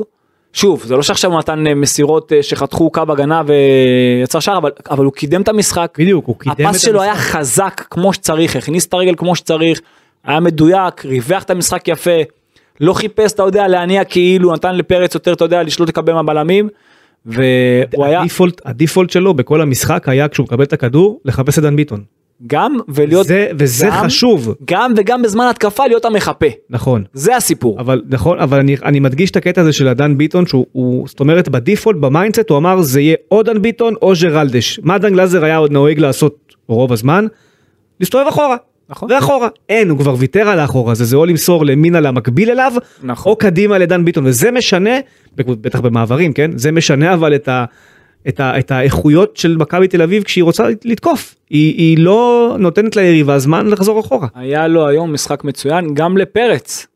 גם לפרץ, גם פרץ טוב. גם לפרץ היה משחק גם מצוין. נתן גול סוף סוף, בלי. שיפסלו לו. נכון, היה לו משחק מצוין ואתה לא יכול, אתה יודע, אתה מציין פה את כולם והוא זה שכבש אני אמרתי, ראשון. אני ציינתי שלושה שחקנים, אתה יכול לציין עוד שחקנים. לא, אז אה, רק את אה, פרץ אני רוצה להוסיף. לוקאסן גם לדעתי מגיע לו. לוקאסן, דיברנו עליו תוך כדי, אתה יודע, אני דווקא בהתחלה חשבתי שהוא הולך לקבל את הצהוב השני, אבל הוא אסף את עצמו יפה בחצי השני, ויפה שמר על אני גם עצמו. היו משחקים, היו משחקים שהוא היה מקבל אדום. היו משחקים לפני כן שהוא כבר קיבל. קיבל אדום. אה, קלימלה הזה כקלימלה, קלימלה, אני גם חושב שהוא... ג'רלדש השקט, אבל הגנתית? התקפית פחות. אגב, הגנתית חוץ מהטעות הנוראית של ניר ביטון, גם ניר ביטון היה בסדר. חצי שני, ניר ביטון היה בסדר גמור. קלימלה- זה לקח אותו על הגף פעם אחת. ו- נכון, זהו, זה חצי ראשון, היה שם שני אירועים, שאחד כמובן הוא אסון. אחד בחצי. השני, אחד בחצי הראשון. נכון, אבל, אבל כאילו מעבר לזה, אני חושב שהוא היה כאילו, הוא לא סבורית, אה, זה ברמת הבילדאפים וברמת אל התרומה. תשכח שגם היה לו קשה, הוא היה בלם משמאל. הוא לא הבלם השמאלי, הוא לא יכול, הוא פחות טוב שם כבלם שמאלי, הוא גם לא שיחק תקופה ארוכה מאז ההרחקה נכון. נגד הפועל חיפה. בסך הכל הוא היה בסדר, כאילו גם- אני גם לא אם חושב אתה- גם כשאתה מחפש, אתה יודע, ראיתי שנתנו לו ציון 4, לא נראה לי שזה משחק של לא, לא, 4. כשאתה משחק- מסתכל על שחקן של מעברים, גם מבחינת הבלמים, הוא פחות לזה. נכון. הוא צריך יותר את השליטה, את הדומיננטיות, וזה פחות, אתה יודע, המשחק שלו. אני אגיד לך יותר מזה, אם לוקאסן היה פותח כבלם השמאלי, יש מצב שניר ביטון היה רושם משחק הרבה יותר טוב היום. חד משמעית. ולוקאסן היה- אה. היה נראה אותו דבר, לדעתי. אני די מסכים איתך. אני גם חושב. ולוקאסן בלם, קצת- בלם נהדר, ואני חושב שהוא ועבדולאי סק הם השניים הכי טובים בליגה. היום. נכון? לא, אתה, מה עם סבורית? בסדר, אני אומר, אתה יודע, סבורית זה סבורית. אני חושב ששניהם הבלמים הם, הם ברמה מאוד אה, דומה. כן. מסכים איתך. ואז תיקח את סבורית אם אתה רוצה. אה, טוב, אז אמרנו פרפה מצטיין, ציינו את מי שאנחנו רוצים לציין. קל, אה, קל, קל מדי. אני, אני רוצה לסיים את הפרק הזה בהתייחסות אה, לקרנקה ולדברים שהוא אמר. לפני המשחק, או אחרי המשחק. אני רוצה לדבר, אה, גם לפני המשחק. אני רוצה לדבר על לפני, יש לך מה להגיד אוקיי. על האחרי? לא, שאלתי אם לפני או אה אחרי. לא, אני רוצה לדבר על לפני, אם יש לך מה להגיד על לא, לא, אחרי אתה יכול, זה לא. פינה פתוחה. אני דווקא, אני ברור שהיא פתוחה, אני דווקא חשבתי כמוך על הקטע של הלפני. טוב, אז אני רק אחפש את הרגע, רגע. הכותרות. כן, הכותרות, לקח לי זמן למצוא את זה. כן, אה, זה בא לפני המשחק. שני דברים שאחד מהם לא הפריע לי, אבל בדיעבד הוא מפריע לי, אוקיי. ואחד שכמובן כולם התעסקו בו. אני אתחיל מהסוף. המשפט על מכבי חיפה. שאגב הוא חזר עליו גם היום. בצורה קצת... אה, שמעתי. עכשיו, מי שלא, אני נראה לי שכולם מכירים את מה שהוא אמר. אה, אני רק רוצה אתה להסביר, יכול לחזור מי שלא זה- אני אחזור אבל אני גם אסביר מה קרה. אוקיי. בסוף אנשים קוראים כותרת. אני לא יודע כמה אנשים ראו באמת את מסיבת העיתונאים, אוקיי? בסוף יש כותרת. נו. יש כותרת ויש פוש שמגיע לכל הטלפונים, ולפעמים זה מייצר את הדברים בצורה טיפה לא נאמנה לאמת, או קצת מעוותת. ואז גם מתפתחים דיונים שלמים סביב זה. הסיפור שהיה קרה כך, אני שאלתי את קרנקה שאלה על הפועל באר שבע, אוקיי? אמרתי השאלה בשורה התחתונה שלה רצתה להגיד, איך אתה מתכונן להפועל באר שבע שהראתה לנו בפלייאוף הזה, וגם מול מכבי חיפה בסמי עופר, שהיא קבוצה מאוד מאוד איכותית, שיודעת גם לעשות מעברים, גם לעשות בילדאפ, והוספתי שם את דעתי האישית, שבמשחק מול מכבי חיפה, הגיע להם הרבה יותר מלהפסיד. הם- היו שם 20 מצבים מול 4. אני חושב שהגיע להם הרבה יותר מלהפסיד שם 1-0 בסמי עופר. אוקיי, לא קרה, אבל זה, אני אמרתי, זו הייתה דע- דעתי האישית בתוך השאלה. וקרנקה בתשובה לדבר הזה, לאמירה הזאת, אמר, אבל זה מה שקרה מול מכבי חיפה בכל המשחקים שלה מול הגדולות, זה גם קרה נגד מכבי נתניה ביום שבת, שהם לא עושים כלום, ומצליחים לנצח את המשחק. נו, זה לא משנה מה שאתה. הכותרת שנגזר, זה משנה מאוד, למה? זה משנה מאוד כי באותו רגע זאת האמת, לא. למה לא? כי אני אגיד לך מה העניין. הם, מכבי חיפה נראתה לא טוב מול מכבי תל אביב? מול הפועל באר שבע, וגם בחצי הראשון מול מכבי נתניה. לא, בניגוד לקבוצות אחרות בליגת העל, היא לא נענשה על זה. היא במקום הראשון, אתה פחות טוב ממנה. שנייה, שנייה. אבל הוא דיבר על שנייה, על יודע, שלושה. משחקים אחרונים. כן, אני הבנתי. אוקיי. אני מבין מצוין. וגם אם זה, גם אם הוא באמת חושב את זה, אתה, כמה, כמה אנחנו מדברים פה על זה שזה לא משנה מה אתה חושב, משנה איזה מסר אתה מעביר. ודרך התקשורת, תאמין לי, השחקנים שומעים, ההנהלה שומעת, כולם שומעים, הקהל שומע, אתה לא יכול לייצר מסר כזה. כי אתה לך. צריך לדעת להעביר מסר אני אגיד לך למה. דרך כן. התקשורת ש- שיעשה לך טוב. אני אגיד לך למה הוא אמר את זה. לדעתי האישית, ולמה הוא גם חזר על זה היום בצורה קצת שונה. הוא, שוב אני מדבר מתוך תחושה, הוא לדעתי מרגיש שלא משנה מה קורה, תמיד מהללים את מכבי חיפה ומשתמשים בשם שלו גם כדי לה, להלל אותם עוד יותר אפילו, אוקיי? זאת אומרת, הוא באיזשהו מקום לועגים לו בתקשורת, גם אנחנו פה, לא, בפרק הזה לעגנו לו, אוקיי? ולא רק אנחנו, גם באולפנים כאלה ואחרים, וגם בתוכניות רדיו כאלה ואחרות, וגם אנחנו- אני באתרים משתדל- כאלה אני ואחרים. משתדל לעשות את זה ברמה הכי מקצועית. לא אף פעם משנה, אני, לא- אני, לא- עק- לא באישי, לא אני באישי. עקצתי בפרק הזה, אה, זה מי שאם הוא, ישמע, אם הוא ישמע את זה בספרדית הוא יגיד אוקיי הוא, הוא צוחק עליי. כן. בסדר הכל, הכל טוב אני גם עומד מאחורי זה. לא, בסדר, הכל קרנקה, בסדר. לדעתי מה שקורה הוא מרגיש באיזשהו מקום חצי מותקף או חצי סובל מיחס אולי שבעיניו שוב זה הכל בעיניו הסובייקטיביות לא הוגן. יכול להיות שהוא גם בתפיסה שלו ואני מניח שמחלחלים לו את זה לא מעט בתוך מכבי תל אביב במועדון שהתקשורת היא קצת ירוקה העונה. זה בתוך מכבי חושבים את זה לא מעט אנשים ואני מניח שזה מה שהם אומרים לו גם. והוא מגיע עם המטען הזה ולכן הוא מכניס את החצים האלה כל פעם למכבי חיפה. אבל את מי זה מעניין? זה מה שאני מנסה להגיד לך. זה מעניין אותו. לא, אבל זה אותו הקטע. זה מעניין. הוא צריך לדעת לייצר מסר טוב בשבילו, לייצר מס- מסר טוב לשחקנים שלו. הוא לא יכול להיראות כאילו להגיד הם לא עושים כלום, אבל הם ניצחה הערב. במקום הראשון אה, עשר הפרש. מה זה קשור? ניצחה הערב. אתה לא האם המשפט הזה השפיע על מישהו לא חוץ מעל הכותרות באתרים? תקשיב, על מי זה השפיע? זה מוציא אותך, מוציא אותו, אותו. אותו, אוקיי, אותו, אבל זה זכותו. מוציא אותו, מצחיק. אבל זכותו קצת מצחיק. ברור שזה זכותו, אבל... נגיד כשמוריניו אומר, רגע, רגע, לא, לא, לא. כשמוריניו אומר השבוע, אתה מקום, שאלו אותו על המקום השלישי בטבלה, הוא אמר אני לא מקום שלישי בטבלה, כי יובנטוס תקבל את הנקודות בחזרה, בסוף זה איטליה. במי הוא מזלזל בדיוק? מי יוצא פה מצחיק? בליגה ובבתי המשפט ובאיטליה. וגם בו.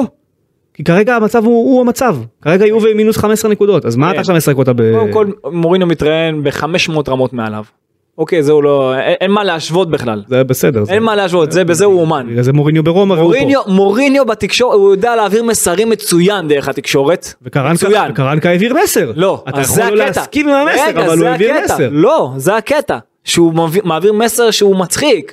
אתה לא יכול להעביר מסר, אם עכשיו היית איתם נגיד, מצחיק בעיניך. הוא מצחיק בעיני כולם. אוקיי, בעיני הרוב הוא מצחיק. בעיני כולם, שבעיני- בלי יוצא מן הכלל. יכול להיות שבעיני אתה לא קרנקה- יכול להגיד, לא.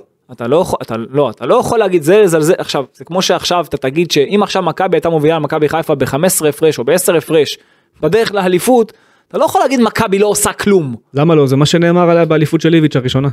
ב-31 הפרש. זה לא, זה לא מדויק, אמרו. וזה- זה לא נכון. ליגה חלשה, הליגה לא טובה, היריבות מתבטלות בקלות, אה, איביץ' הכדורגל שלו משעמם, הוא אפור. זה היה הוא השיח. עדיין היה יותר טוב מכולם. נכון, אבל זה לא היה-. אבל זה היה השיח. אז שיח לא, רוחבי. אותי, אותי שמעת אותי רוחבי. אומר, אני מסתכל מקצועית, אוקיי? אני לא מדבר עליך, אני אבל, מדבר אבל, על אני, קרנקה אבל. אני מסתכל עכשיו, הוא עכשיו, תאמין לי שיש לו שחקנים בקבוצה, ויש שחקנים שמסביב, ואנשים ששומעים אותו. שחקנים ששמעו וקראו את הכותרת ואמרו אה, שזה בדיחה. אני, יש לא מעט כאלה. הגיע גם אליי, אמרו שזה בדיחה. לא אהבו את הכותרת הזאת, השחקנים. בדיוק. אני רוצה רק להגיד שוב, הכותרת היא כותרת, היא נגזרה מתוך שאלה ומתוך משפט. שמעתי, שמ, אני שמעתי, אני, באופן חושב- אישי, אני שמעתי חושב שמה שהוא אמר- איך הוא, איך הוא הגיב. הוא אמר את מה שהרבה אנשים חושבים ולא אומרים. האם זה תפקידו להגיד את זה? אני חושב שלא, אבל אני גם אין לי בעיה שהוא אומר את זה. יש מצבים, אמיתי, אין לי בעיה יש שהוא אומר את זה. מצבים בסיטואציה שלו, סתם דוגמה, שאם אתה באמת, אה, אתה כדי, כי מה זה אומר עליך? אוקיי, תחשוב שאם עכשיו מישהו מוביל עליך, תנסה להיכנס שנייה לראש שלי, אוקיי? אם עכשיו מישהו מוביל עליך בעשר נקודות הפרש או ביותר, ואם אתה אומר הוא לא עושה כלום נגד, אז מה זה אומר עליך? זאת אומרת שאתה כאילו חלש מאוד, תבין, אתה מבין, אתה מאוד מאוד מאוד מאוד חלש אם הוא חלש, אתה מבין מה אני אומר? אתה לא יכול להגיד דבר כזה, זה פוגע בך ובשחקנים שלך בצורה הפוכה.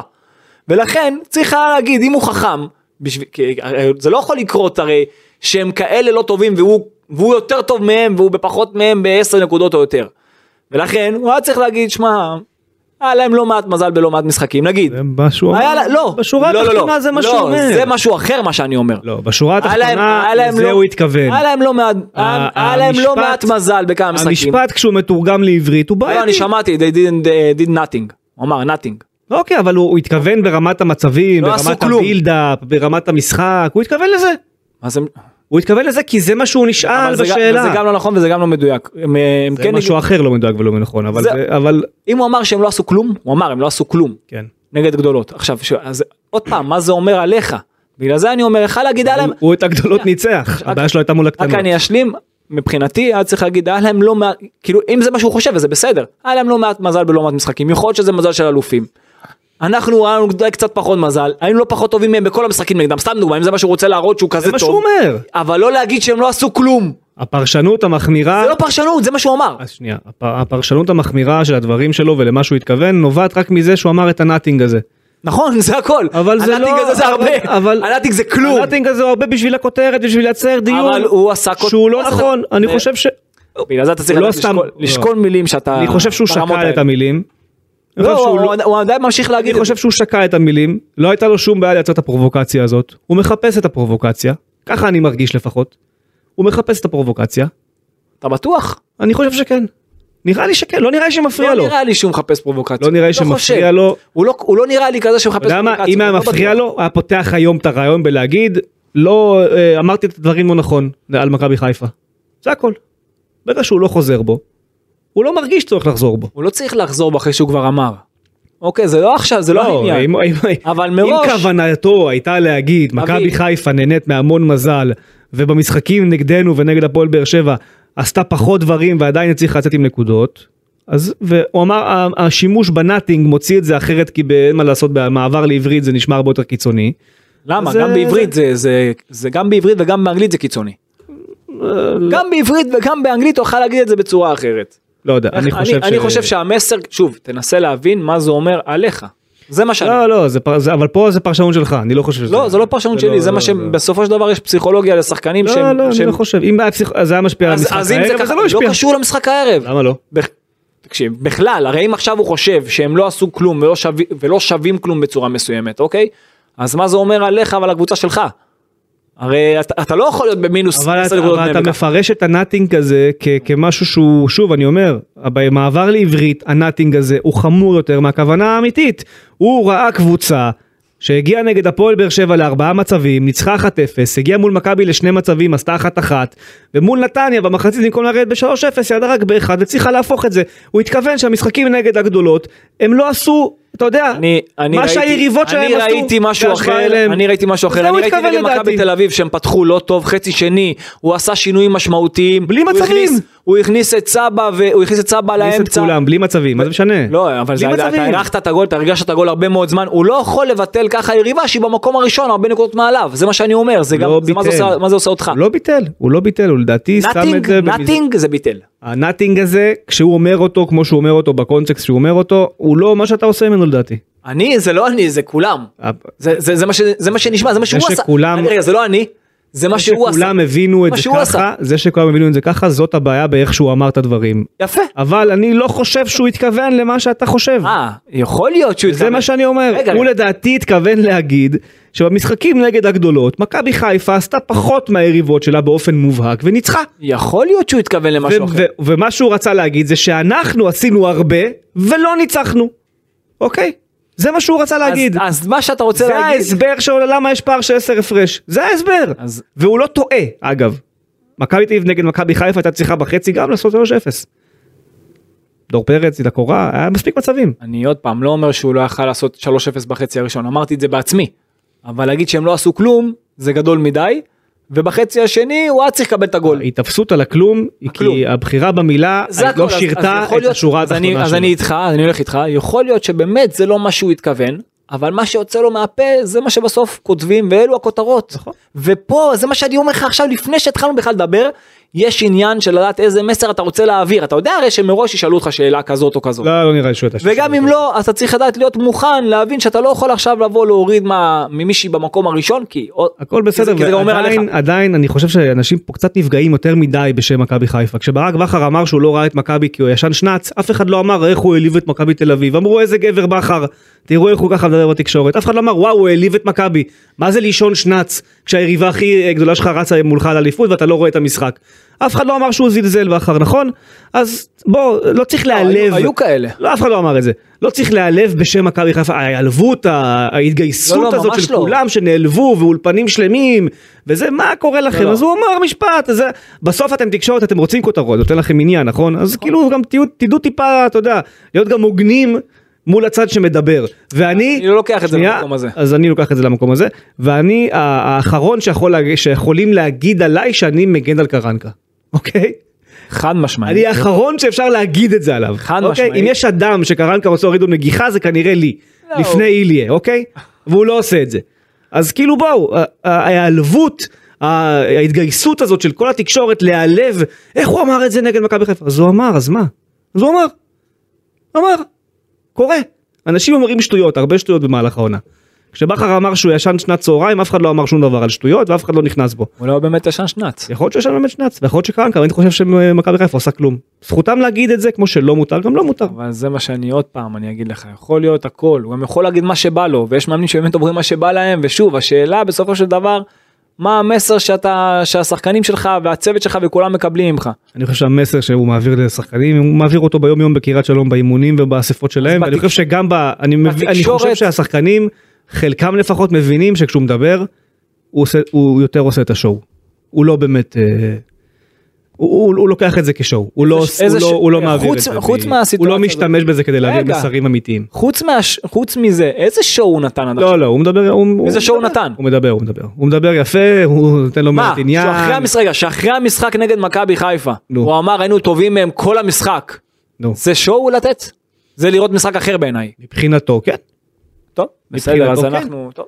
אני לא, אני, אני לא חושב, אני אגיד לך, אני גם יודע שהוא לא הלך ואמר דברים דומים לשחקנים בניתוח משחק אחרי מכבי חיפה. כן, כן התעכבו על טעויות, כן התעכבו על הקרן הזאת שדיברנו עליה גם אנחנו בפרק, התעכבו על הרבה דברים שקרו. אבל הוא מבחינתו, לדעתי, רוצה גם להעביר, הוא ככה הוא, הוא רוצה להעביר מסר מסוים, וזאת הגישה שלו, הוא רוצה להעביר את המסר שלא משנה מה, מכבי תמיד הכי טובים, ומכבי תמיד הכי זה, גם אם זה לפעמים שקרני וגונב דעת. דיברנו על זה, אבל הוא עושה את זה מהיום הראשון, וזה האיש, וזה הוא מאמין. מה אני אגיד לך? אני חושב שאפשר לעשות את זה קצת אחרת. אני מסכים איתך ואני עדיין מזכיר לכולם שבסופו של יום בן אדם כשהוא מדבר, הוא מדבר כי הוא רוצה שזה מה שתכתוב. זה בדיוק מה שאני אומר. ולכן אם הוא אמר את זה כנראה שאין לו בעיה עם זה.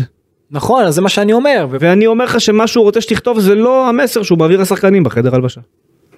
שוב, ואני לא, אני לא חושב שקרנקה בסדר, או שקרנקה מאמן את מכבי תל בצורה טובה, או שקרנקה יכול לעשות דברים בצורה כך וכך, אני לא חושב. ואני, ויכול להיות שיש אנשים שיעדיפו את היבשושיות הזאת של איביץ' ו- וסלאבישי יוקנוביץ'. שיעדיפו, אתה יודע, לדבר, אני, רק אני ונגמר, ולא להמשיך הלאה. אבל קרנקה, מבחינתו, גם השימוש בתקשורת הוא, אתה יודע, להעצים את, ה, את האווירה סביב המשחקים. האם זה נכון, האם זה לא נכון, כל אחד יש לו דעה. אבל גם צריך טיפה, אתה יודע, לעצור שנייה לנשום. הוא לא אמר משפט כזה דרמטי כדי שיהיה את העליהום המטורף הזה שהיה עליו. זה הכל, זה השורה התחתונה. ולמאמן ישראלי לא היו עושים, או, עושים. לא היו יש עושים. מאמנים לא, פה לא, לא. שמדברים, שאומרים דברים. למאמן. ישראלי לא היו עושים, בטח לא במועדון גדול. לא היו עושים. לא היו עושים, כי כמו שלהגיד שחיפה לא עושה, לא עושה כלום, גם להגיד שלא ראית את היריבה המרכזית שלך משחקת והעדפת לישון, זה זלזול. זלזול באותה מידה.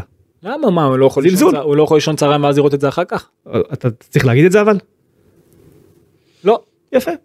זאת- בדיוק אותה שורה אבל תחתונה. דווקא פה, כן. דווקא פה, יש מסר, שאתה רואה, הנה, אם כבר דיברת על מסר, שהוא אומר, אני ישנתי צהריים ולא ראיתי, שהוא מתר- הוא מתרכז עכשיו בקבוצה שלו. וזה- לא שהוא אמר שהם לא אז טובים או לא המסר של מעניינים. או לא שום קרנקה. לשחקני מכבי תל אביב היה אתם יותר טובים ממכבי חיפה וזה וזה הכל וזה השורה התחתונה אתם יותר טובים מהם זה המסר. הוא- האם הוא העביר אותו בצורה נכונה? כנראה שלא יפה. אבל זה המסר זה הכל. יפה אז אבל הוא זלזל נכון. וגם בכר זלזל. אני יכול להגיד לך שכשמכבי שמעו באותו יום את הכותרת של בכר הם מאוד נפגעו. גם בהם זה פגע.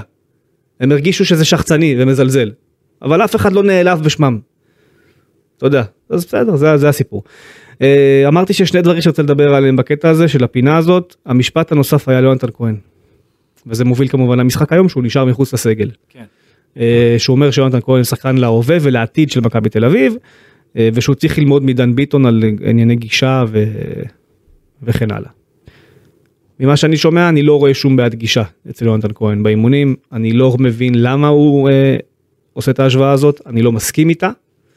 הוא גם אמר שהוא מדבר עם יונתן כהן, לא יודע כמה המשפט הזה מדויק. אה, פה דווקא אני, פה זה מאוד הכעיס אותי. כי פה זה קצת לא, אני לא כל כך מבין מה קורה שם. לא מבין מה קורה שם, מצד שני יגידו אנשים כן, אבל גם איביץ', ל- גם אצל איביץ' לא הבנת מה קורה, גם כאילו, גם שם הוא לא שיחק. לא יודע, כן, כן. הסיפור של יונתן כהן, מה כן? כן, גם עם איביץ' לא הבנו את זה. אוקיי, הסיפור אבל של... עם איביץ' הבנו שהוא פשוט משחק בלי ווינגר. אז אתה עוד יכול כאילו אתה אומר אוקיי אם הוא בלי ווינגר קודם כל למה אז הבאת אותו. אבל אה, כי הוא לא מגן ניסה לעשות אותו בכוח מגן. אבל אם אתה כן משחק עם ווינגר. אני חושב שכן יש לו מקום ובטח לפני שחקנים כמו איליה כזה שעוד אז הנה, אז עוד הוא- חודש עוזב אותך. יפה, אז פה למה הבעיה שלי? כי אם אתה אומר שיונתן כהן הוא שחקן להווה שלך וגם לעתיד, אז אני אתמקד במילה עתיד, אז הוא צריך לשחק לפני איליה, בכל מצב, אוקיי? בכל מצב הוא צריך להיות לפני איליה. ו... ואני חושב שכמו שלגבי קניקובסקי עושים עוול בעניין העמדה, ליונתן כהן עושים עוול מהרגע שהוא חזר.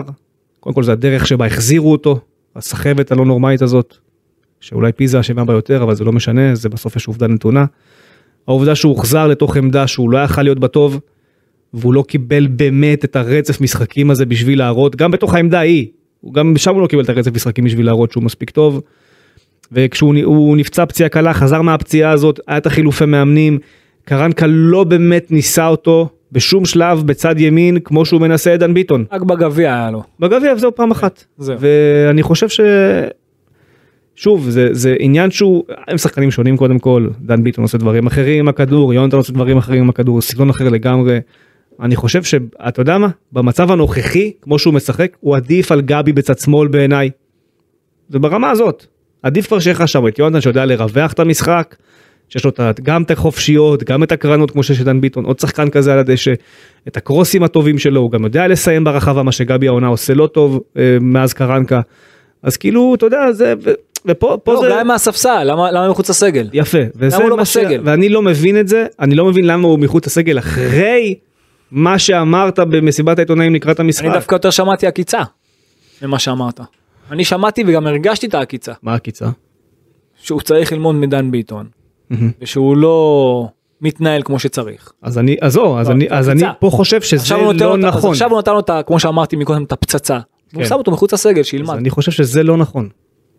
כאילו אם זה הווייבים שהוא לא- מקבל מהאימונים, אני חושב שהוא פה מפרש דברים לא נכון. לא, זה נראה לי לא בסדר. אני לא חושב שאני, אני, שנייה, אני, אנחנו לא באימונים. אני אמסגר את זה אחרת. אנחנו לא באימון. שאני, אני אמסגר את זה אחרת. ממה שאני שומע, אין, אין, אני לא חושב שאיליה מתנהל טוב יותר מיונתן כהן ביום יום. אוקיי? לא, זה, גם זה אתה- ברמה הזאת.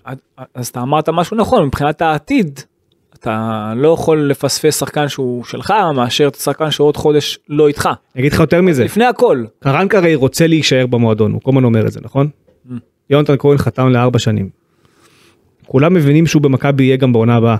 אז מה אתה מפיק מזה? אם אתה רוצה להישאר במועדון, מה אתה מפיק מזה שאתה ככה מתייחס לשחקן שבעונה הבאה, יכול מאוד להיות שאתה תצטרך לבנות עליו כשחקן מרכזי שלך, כי אם אנחנו נתחיל, אה, אנחנו נגיע לזה בפרקים הבאים, לאיך צריך לבנות את הסגל וכן לא הלאה. חושב שהוא לא מתנהל טוב, הוא רוצה- לחנך אותו. אבל ברמת בניית הסגל, אני לא רואה מצב שבו למכבי אין בעונה הבאה ווינגר ישראלי. יכול אם להיות שהוא- משחק עם ווינגרים. שוב אני, שוב, אני לא בעדו בשום צורה, אוקיי? אבל יכול להיות, וזה יכול להיות, שהוא בא ואומר, אני עכשיו, אני אחנך אותו בשביל העונה הבאה, עכשיו זה זמן של garbage 2, אתה יודע? אוקיי. אתה לא תיקח אליפות, זה לא גרבג' כי זה גביע. יש גביע. בגביע, אתה יודע, הוא ישים את הכלים הכי חזקים שלו, אני בטוח, וגם בליגה הוא ישים. אבל אומר, עכשיו זה הזמן שלי אולי, אולי לחנך אותו מבחינת ההתנהלות. אני לא יודע מה קורה באימונים, אני לא, אנחנו לא נמצאים שם. אתה אולי יכול לשמוע מאנשים, אה, אבל זה, אנחנו לא באמת יודעים מה קורה, או מה ה vibe שהוא חווה ממנו. אתה יודע, מספיק שהשחקן אה, מוריד את הראש וב vibe שלילי וזה, זה, זה מספיק בשביל מאמן כדי למחוק אותו. זה מספיק. הרי כל הקטע זה שחקנים שתמיד, שידעו. גם כשאתם לא משחקים, אתם נבחנים בשפת גוף שלכם. השפת גוף. תבוא, תהיה רעב, תרצה, למרות שאתה מבפנים רוצה לאכול את המאמן, לתת לו ביס בראש. אוקיי, עכשיו, דווקא בסיטואציות הללו, תראו שאתם הכי רוצים, הכי שם, הכי זה, כי בסוף אתם, על השפת גוף אתם יכולים להימחק. על זה. שוב. עכשיו אני לא אומר, אני לא אומר שהוא כזה, אני לא אומר שהוא עשה משהו לא בסדר, אני לא יודע, אנחנו לא יודעים. אבל שם, כל בשורה- שחקן שהוא לא משחק או לא בסגל, בשורה התחתונה, חייב להראות שהוא כן רוצה. יש פה פספוס של שחקן שסיים אני גם מסכים, אני מסכים. שלוש שנים רצופות בדו ספרתי, גולים, בישולים, בחלק זה היה מעל הדו ספרתי, וזה אתה יודע כמה אני, אתה יודע. כמה אני מחזיק ממנו? קשה לי, קשה לי עם זה. אני באופן אישי מאוד מחזיק ממנו ואני באמת לא חושב שהוא סיים את הסיפור שלו למרות שהוא עכשיו ב, אתה יודע ב, לא, לא סיים את הסיפור, אבל אני... הוא במומנט הוא במומנט יחסית שלילי. אני- ב- אה, בדיוק. אבל אבל זה לא לא, זה- לא זה- עוזרים לזה גם לעלות. זה היה בעוכריו מכל מיני סיבות אם זה תפקיד שלא התאים לו ואם זה פציעות שהוא עבר וחילופי מאמנים שוב צריך לתת לו את המקום בזמן שלו אבל באמת לתת לו. אני איך שאני מכיר אותו ואני מכיר אותו קצת טיפה. זה שחקן שדווקא הוא צריך את החיבוק הוא לא צריך את הפצצות. גם דן ביטון צריך את החיבוק. והוא בדיוק. קיבל והוא מחזיר תמורה, ולכן כשקרנקה. אומר שהוא צריך ללמוד מדן ביטון, גם קרנקה צריך ללמוד זה- מאיך שהוא התייחס לדן ביטון. אז זה שחקן שצריך לדעת להביא אותו אליך איך שאני רואה את זה. כן. זה לא שחקן שיבוא, שאם אתה תהיה איתו ברע אז הוא יוכיח לך. זה לא הסיפור איך שאני מכיר את אה, יוני. כן. ומה אני אגיד לך אני מקווה שכן יוציאו ממנו הרבה יותר כי באמת הוא שווה הרבה יותר. וחבל חבל הסיטואציה הזאת. כן, טוב, אה, עד כאן הפרק. סגרנו שנה של אה, פרקים. אה, משחק הבא נגד אשדוד. כן. פעם ראשונה לדעתי בפלייאוף שמכבי תתמודד מול הדברים שהיא לא יודעת לעשות. לא בטוח. למה? לך תדע מה רן בן שמעון החליט אוקיי. לעשות. אבל על הנייר אתה אמור להתמודד עם הקבוצה המסתגרת, כן. הנסוגה, כן. שתחכה לך נמוך, נכון. מעברים, כל מה שאתה בדיוק. לא אוהב לראות. כל ב- מה שיהיה לך כל מה שלקרנקה קשה מאוד. כן. להתמודד עם. הנה המבחן. בוא נראה איך. כן, הוא כבר, לא, הוא כבר חווה לא מעט מבחנים, זה לא, אתה יודע, זאת לא הפעם הראשונה. עכשיו אחרי שעברת ארבעה משחקים כאלה מול היריבות שכביכול נוח לך כקרנקה בוא נראה במשחק שלא נוח לך איך אתה עובר אותו. נכון? אני אגיד פה עוד משהו המשחק הזה נגד אשדוד הוא ההכנה של קרנקה לגביע. כי זה מה שהוא יראה נגד ביתר. חד משמעית. ולכן כנראה. שוב, לכאורה, אנחנו לא יודעים מה... מאוד גבוהה שזה מאוד ככה גבוהה. ייראה. מאוד גבוה. ופה, ופה הוא יימדד, אם הוא ידע להביא פתרונות ביום שבת נגד אשדוד וינצח את המשחק, אז מכבי יכולה להיות אופטימית שהיא תזכה בגביע. אם הוא לא יעשה את זה נגד אשדוד, אז הדברים שחשובים. הדברים שחשובים היינו הך גם נגד אשדוד וגם נגד ביתר בגלל אם אם וכאשר ביתר זה בטוח אוקיי אם אשדוד תחכה לו נמוך זה ההתחלה ההתחלה זאת אומרת בהתחלה שעם האמוציות והאנרגיות לדעת לייצר גול מהיר זה יכול לעזור לך מאוד. ובכלל באופן כללי גול ראשון הגול הראשון מאוד משמעותי כי נגד קבוצה שמחכה נמוך ככל שעובר הזמן דווקא זה נותן לגיטימציה להמשיך בסגנון הזה ואם אתה תקבל גול ראשון נגד קבוצה מהסוג הזה בדיוק. אז יהיה לך עוד יותר קשה ליזום כי הם יחכו לך והסתגרו וגם אפילו את המעבר הם לא ירצו לעשות. כן. ולכן זה באמת מבחן כי זה דבר שקרנקה עד עכשיו לא לא הצליח עד עכשיו נכשל בו. בדיוק. יפה, זהו, עד כאן. אבל. עכשיו יש לך גם נייחים נכון. עכשיו יש לך גם נייחים שזה גם משהו נגד קבוצה כזאת ופרפה שצריך לשחק. נכון אבל יש שוב נייחים זה משמעותי. מאוד יפה, טוב, הפרק הזה נגמר. אה, מילות סיום אורן? משהו להגיד? מזל טוב מזל טוב. מזל טוב לשנה לפודקאסט שלנו שזה יפה אפילו אני לא ידעתי אז הפתעת אותי. ומה אני אגיד לך שנדע רק ימים טובים חג שמח כי אנחנו צריכים את הנחת הזאת. מגיע לעם הזה. אה, וניפגש ביום ראשון. נפגש ביום ראשון. להתראות.